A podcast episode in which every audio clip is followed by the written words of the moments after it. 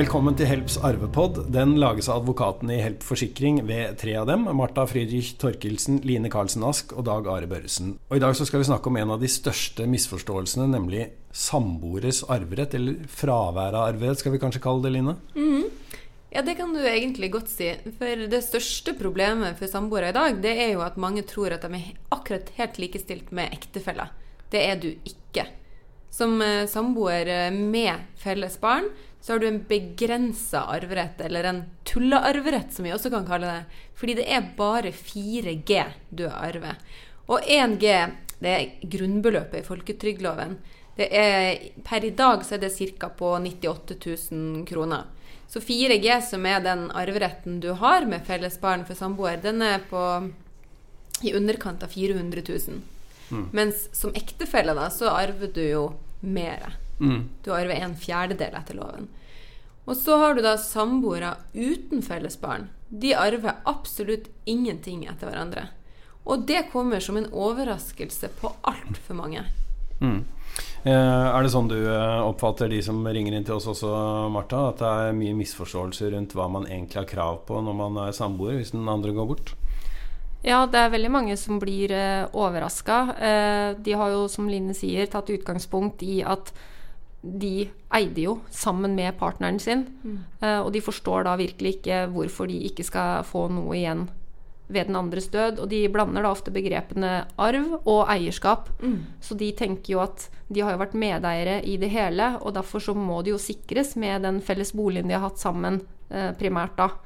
Uh, så viser det seg av og til i tillegg at det har en side mot eierskap, og at de da i tillegg ikke eide boligen. Og når de da får eh, vite at de heller ikke arver noe i denne, eh, så har de en liten krise. Mm. Og det, Der kommer det jo også inn det med at man blander samboerforhold med ekteskap. Fordi vi er jo kommet dit i Norge at det er mange som er samboere og aldri gifter seg. Og den norske kjernefamilien med kone, mann og to barn eh, er jo litt sånn utvanna i dag, kan vi si. Eh, og det med felleseie som du har som ektefelle, at man da har alle verdier sammen. Det er det mange som tror at du også har som samboer. Men for samboere, for alle praktiske formål, så er det sånn at det en samboer kjøper for sin lønn, er det den samboeren som eier. Ja, Så det er det som avgjør? Det er ja. det som avgjør. Mens mange tenker ja, men vi bor jo sammen, og jeg har jo betalt mat. Selvfølgelig så eier jeg halve bilen også. Mm. Men bevismessig så vil vi si det sånn at har en samboer kjøpt en bil for sin lønn, så er den bilen eneie til den samboeren. Mm. Ja, og selv om dette her skal handle om uh, arv, så mm. kan vi vel egentlig her slå et slag for samboeravtalen ja. mens vi er inne på det, da. Uh, fordi det som er litt av poenget, er at uh, de som er unge i dag og blir samboere, de er kanskje noe mer bevisste på det, og de vil kanskje etablere en familie sammen, og mm, de kommer ofte sammen på skjøter osv. Mm. Um, men det er gjerne de som har vært gift uh, fra før, uh, blitt skilt og kanskje ikke har helt trua på ekteskapet. Uh, så de velger da å kanskje bli bare samboer i hermetegn. de har barn fra hvert sitt forhold, får aldri felles barn. Og så skjer det da at den ene har en bolig fra før, den andre selger sin. Overskuddet av det salget går kanskje til ferier og mat. Så de har jo aldri vært involvert i den andres eierskap. Uh, uten at de har en eneste tanke om den konsekvensen det får ved dødsfall. Mm.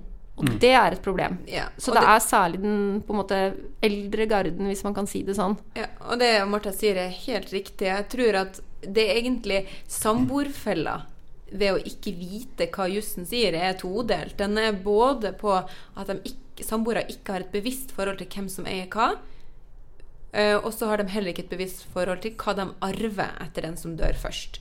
Mm. Og hvis du taper i begge endene, hvis du ikke mm. står som registrert eier på bil, på hus, på hytte, og i tillegg ikke arver noen ting fordi dere ikke har barn, ja, da har du jo virkelig tapt.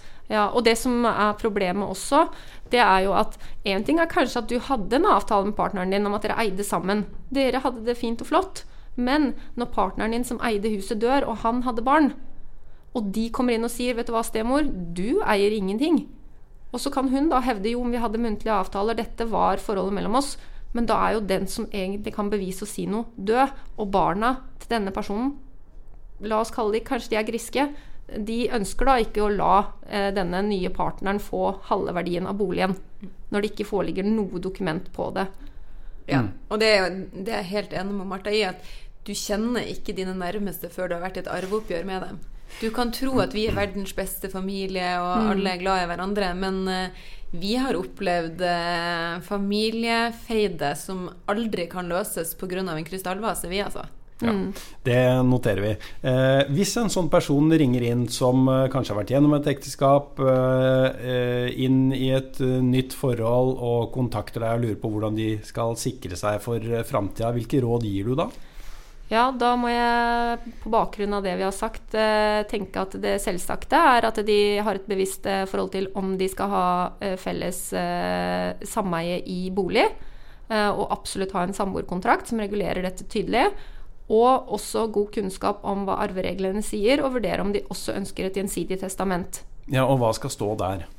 I det testamentet så kan det ikke stå så veldig mye, men de kan i hvert fall arve inntil en tredel etter hverandre. Og det skal også legges til at eh, det kommer en eller annen gang i framtida en ny arvelov.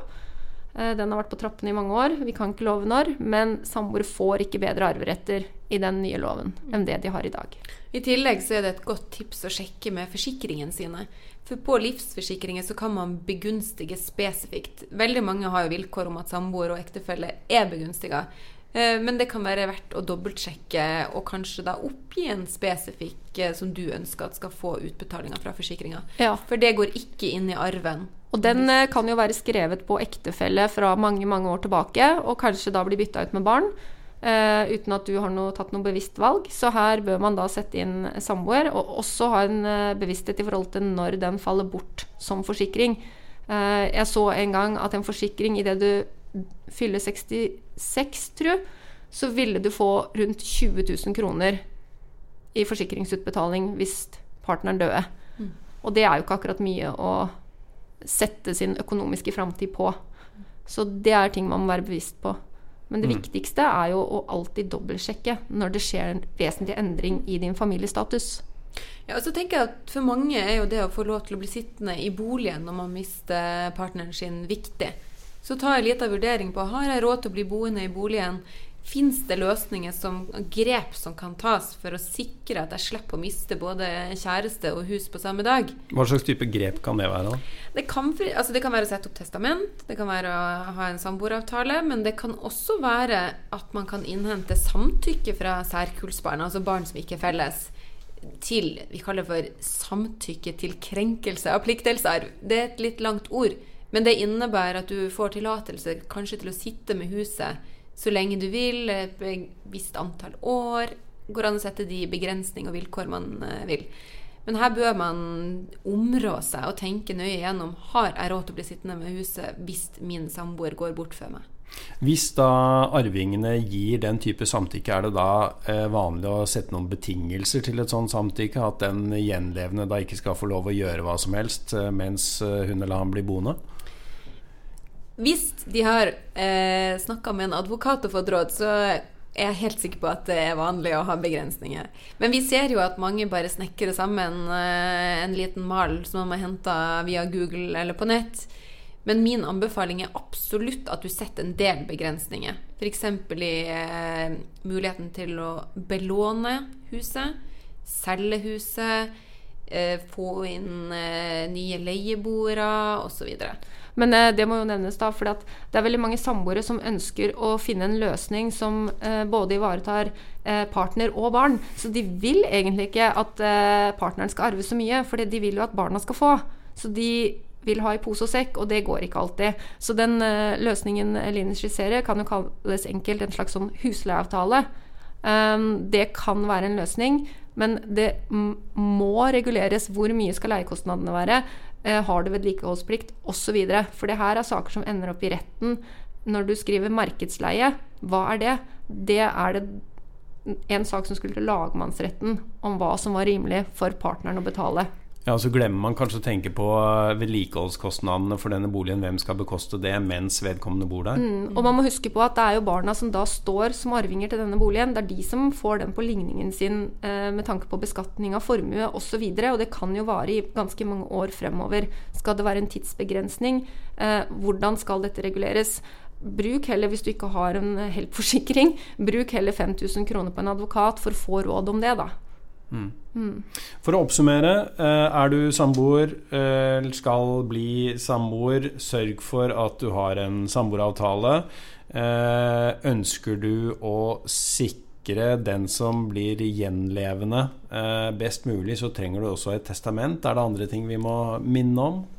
Ja, hvis du igjen da, hvis du ikke ønsker å tilgodese partneren med arv, fordi du vil at barna skal få mest mulig, vurdere om en sånn husleieavtale eller sånn samtykke fra barna kan være en aktuell løsning. Noen går så langt som å si til barna sine jeg kommer til å begrense arven din hvis ikke du samtykker til at min partner får lov å leie dette huset fram til sin egen død, eller mm, hva det nå måtte være. Så det fins jo noen alternativer her, uten at arveretten til barna dine blir redusert. Ja, Og så sjekk forsikring. Mm. Takk for at du hørte på Helps arvepod.